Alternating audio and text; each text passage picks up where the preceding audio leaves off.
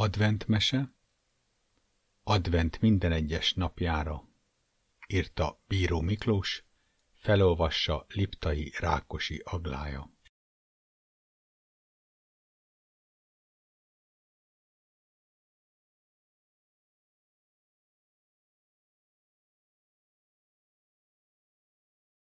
Tizenkettedik fejezet A vak koldus Peti és Panni végül egy hópelyhen utazva indultak el az álomvarázslatba. Kicsit megszeppenve, mert így készülve azért mégiscsak félelmetesebb egy kicsit. Amikor az ember alszik, és az álmai messzi helyekre viszik őket, az egy kicsit más. Valahogy az álmok mindig elvarják maguk után a szálakat, és amikor az ember felkel, már csak nyomokban, kis részletekre emlékszik. Igen kevés ember képes minden álmáról beszámolni, emlékezni mindenre. Mintha az álom és ébrenlét határán lenne egy őr, és az se ide, se oda nem engedne vinni semmilyen emléket.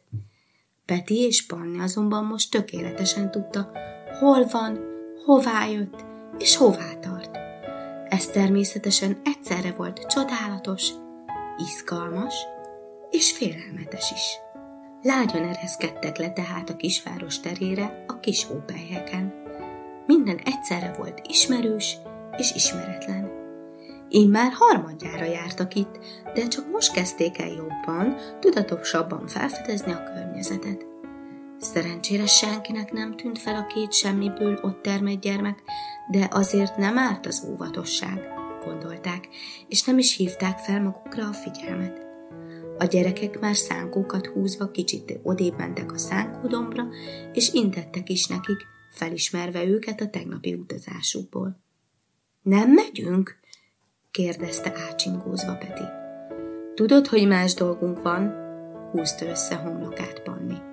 Jól van, na, csak kérdeztem, sóhajtott a fiú. Lassan indultak el a templom felé.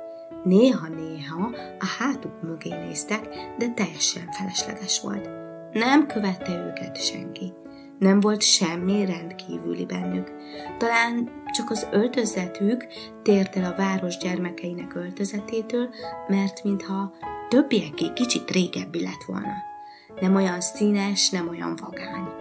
De ezt tényleg csak az vehette észre, aki nagyon figyelt rájuk. Már a déli harangszó is elkondult, amikor a templomhoz értek. Érdekes volt itt még az idő is, néha alig mozdult a világ, néha meg egyik pillanatról a másikra, mintha órákat ugrottak volna. Az életben megjelente ettől az ember, de az álom azért mégis más. Itt nem lepődik meg az álmodó ilyen furcsaságokon. A templom egy picit újabbnak látszott, mint otthon, kicsit élénkebb volt a színe, és a fák is kisebbek voltak, mint a valós világban. A templom előtt emberek jártak, keltek, végezték mindennapi dolgokat. És ott volt a vak koldus is, mint előző álmukban. Csak állt csendesen, kezében egy kopott kalappal, másik kezében egy fehér bottal. Most vették csak észre a mellette lévő kiskutyát, de az is lehet, hogy tegnap nem volt ott. Ezek az álmok azért néha elég kiszámíthatatlanok. Kicsit távolabb álltak meg egy bokor melletti padnál. Az rendben van, hogy ezt kitalálták, de más kitalálni valamit, és más meg is csinálni. Most hogyan tovább? Nem szólt egyikük sem, csak figyelték az embert és gondolkodtak. Pont úgy volt, ahogy tegnap Panni megfigyelte. Az ember állt ott, néha közelebb jött egy-egy ember, és valamit dobott a kalapjába. Aki adott, az is szemlesütve adta oda, de a koldus sem nézett a szemükbe, csak csendben bólintott. Ami a legfurcsább volt, hogy nem a koldus köszönte meg, amit kapott, hanem az emberek mormogtak valami köszönetfélét. Hiába na, az álmok néha igen furcsák tudnak lenni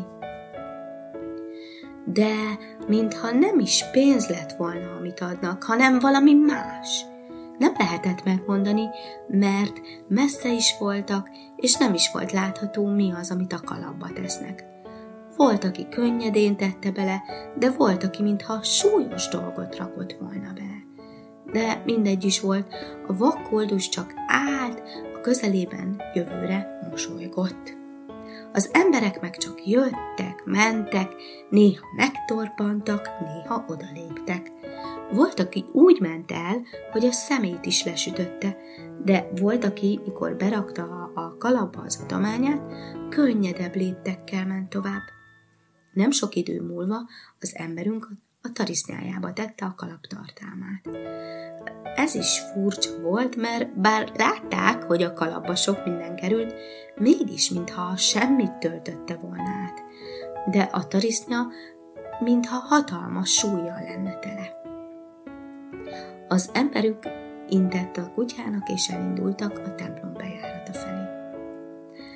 Most mit tegyünk? suttogta pedig. Miért suttogsz? Úgysem hallja senki? válaszolta ugyancsak suttogva Panni. Be kellene menni utána, szólalt meg újra a fiú, de azért bizonytalan is volt, mert azért ez az álom kezdett kicsit furcsa lenni. Hát, menjünk, válaszolta határozottan Panni. A templom ajtó kicsit nyikorgott, de mintha mennydörgés lett volna, úgy érezte a két gyermek. Meg is ijedtek, hogy meghallja valaki, de a templom üres volt. Sehol sem volt senki. Pedig így jött be, az biztos. Lehet, hogy elment hátra, ahol a mi vasárnapi iskolánk szokott lenni, mondta Peti. Gyere, nézzük meg, indult el Panni. A templom másik végébe érve azonban furcsa dolgot tapasztaltak. Nem volt ott az ajtó. Semmi nem volt ott, ahol a megtapasztalt világukban ajtónak kellett volna lennie, semmi nem volt. De akkor hová mehetett? Mert itt nincs más ajtó, csak a templom ajtó, meg ez. Vagyis ez nincs is. Lehet, hogy a toronyba ment fel, suttogta Peti, de a hangja most nem csak a templomtól volt suttogós. Felmenjünk oda? kerekedett el Panis szeme. De hiszen oda nem szabad, vagyis az életben nem szabad, de ugye bár ez egy álomvarázslat. Itt miért ne? Nem is mondott többet, és már el is indult. Peti még egy kicsit toporgott, de egyedül sem akart maradni, így hát kénytelen kelletlen elindult húga után. Kis lépcső vezetett fel a toronyba, és félelmetes volt még végignézni is rajta. Panni azonban már megérezte az álomvarázslat erejét és csodáját, mintha semmitől sem kellene tartania, kettessével szedte a lépcsőfokokat. Nem sok idő múlva Peti is utólérte, de inkább, mert nem akart egyedül maradni, mint hogy annyira már fent akart lenni a toronyban.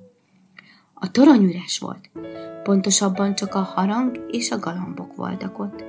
Mindenütt vastag por, láthatóan ide nem gyakran járnak az emberek.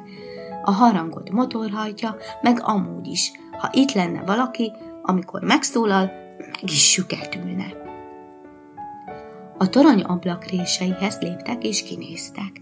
Lenyűgöző volt a közben esti fényekbe öltözött város. Ekkor meghallották lent a templom ajtó nyikorgását és záródását, és lenéztek. Egy ember lépett ki rajta kezében fehér bottal, mellette, mellette a kutyája. Mire feleszmélt a két gyermek, már el is tűnt a szemük elől. Most mi legyen? kérdezte Panni, de erre nem is kellett válaszolnia, mert hirtelen valami elkezdte őket húzni, és már repültek is hatalmas sebességgel, és egyre hangosabban hallották anyu hangját. Ha-hó, hétalvók, ébresztő! És amikor kinyot, kinyitották a szemüket, anyu cirógatta őket, és keltegette. Ahogy ránéztek, valami furcsa volt, de nem tudták mi az. Álmosan nyújtóztak egyet, és kicsit halkan mondták. Jó reggelt, anyu! Egy csodálatosat álmodtunk. Mindketten? Kérdezett vissza anyu. Megszeppentek, mintha kikotyogták volna a titkot, de szerencsére apu hangja szólalt meg. Gyertek, együnk, mert elkések. Ma amúgy is a korábbi busszal szeretnék bemenni. Aznap is elrepült a nap, a táblára felkerült az áció, és persze készültek a pénteki előadásra, de egész nap csak az estét várták, hogy álomba merüljenek, és folytassák az álomvarázslatot. Este anyu megint egy kedves mesével segítette tudtán kívül ezt a kirándulást, amikor régi kopott könyvéből elkezdte olvasni meséjét. Grimm testvérek, hol le anyu? Élt egyszer egy győzvegyasszony, annak volt két lánya. Az egyik szép és szorgos, a másik csúnya és lusta. Az özvegy sokkal jobban szerette a csúnya lustát, mert az édes lánya volt. De a mese végére a két gyermek már Holle anyu által megrázott párna hópályhelyén lágyan ereszkedett le a megszokott, de mégis furcsa kis városka főterére, lágyan lehuppanva a főtéren álló szobor tövében.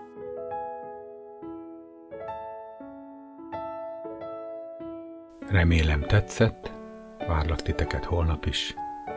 Addig is iratkozzatok fel, és megköszönöm, ha minél több emberhez eljuttatjátok.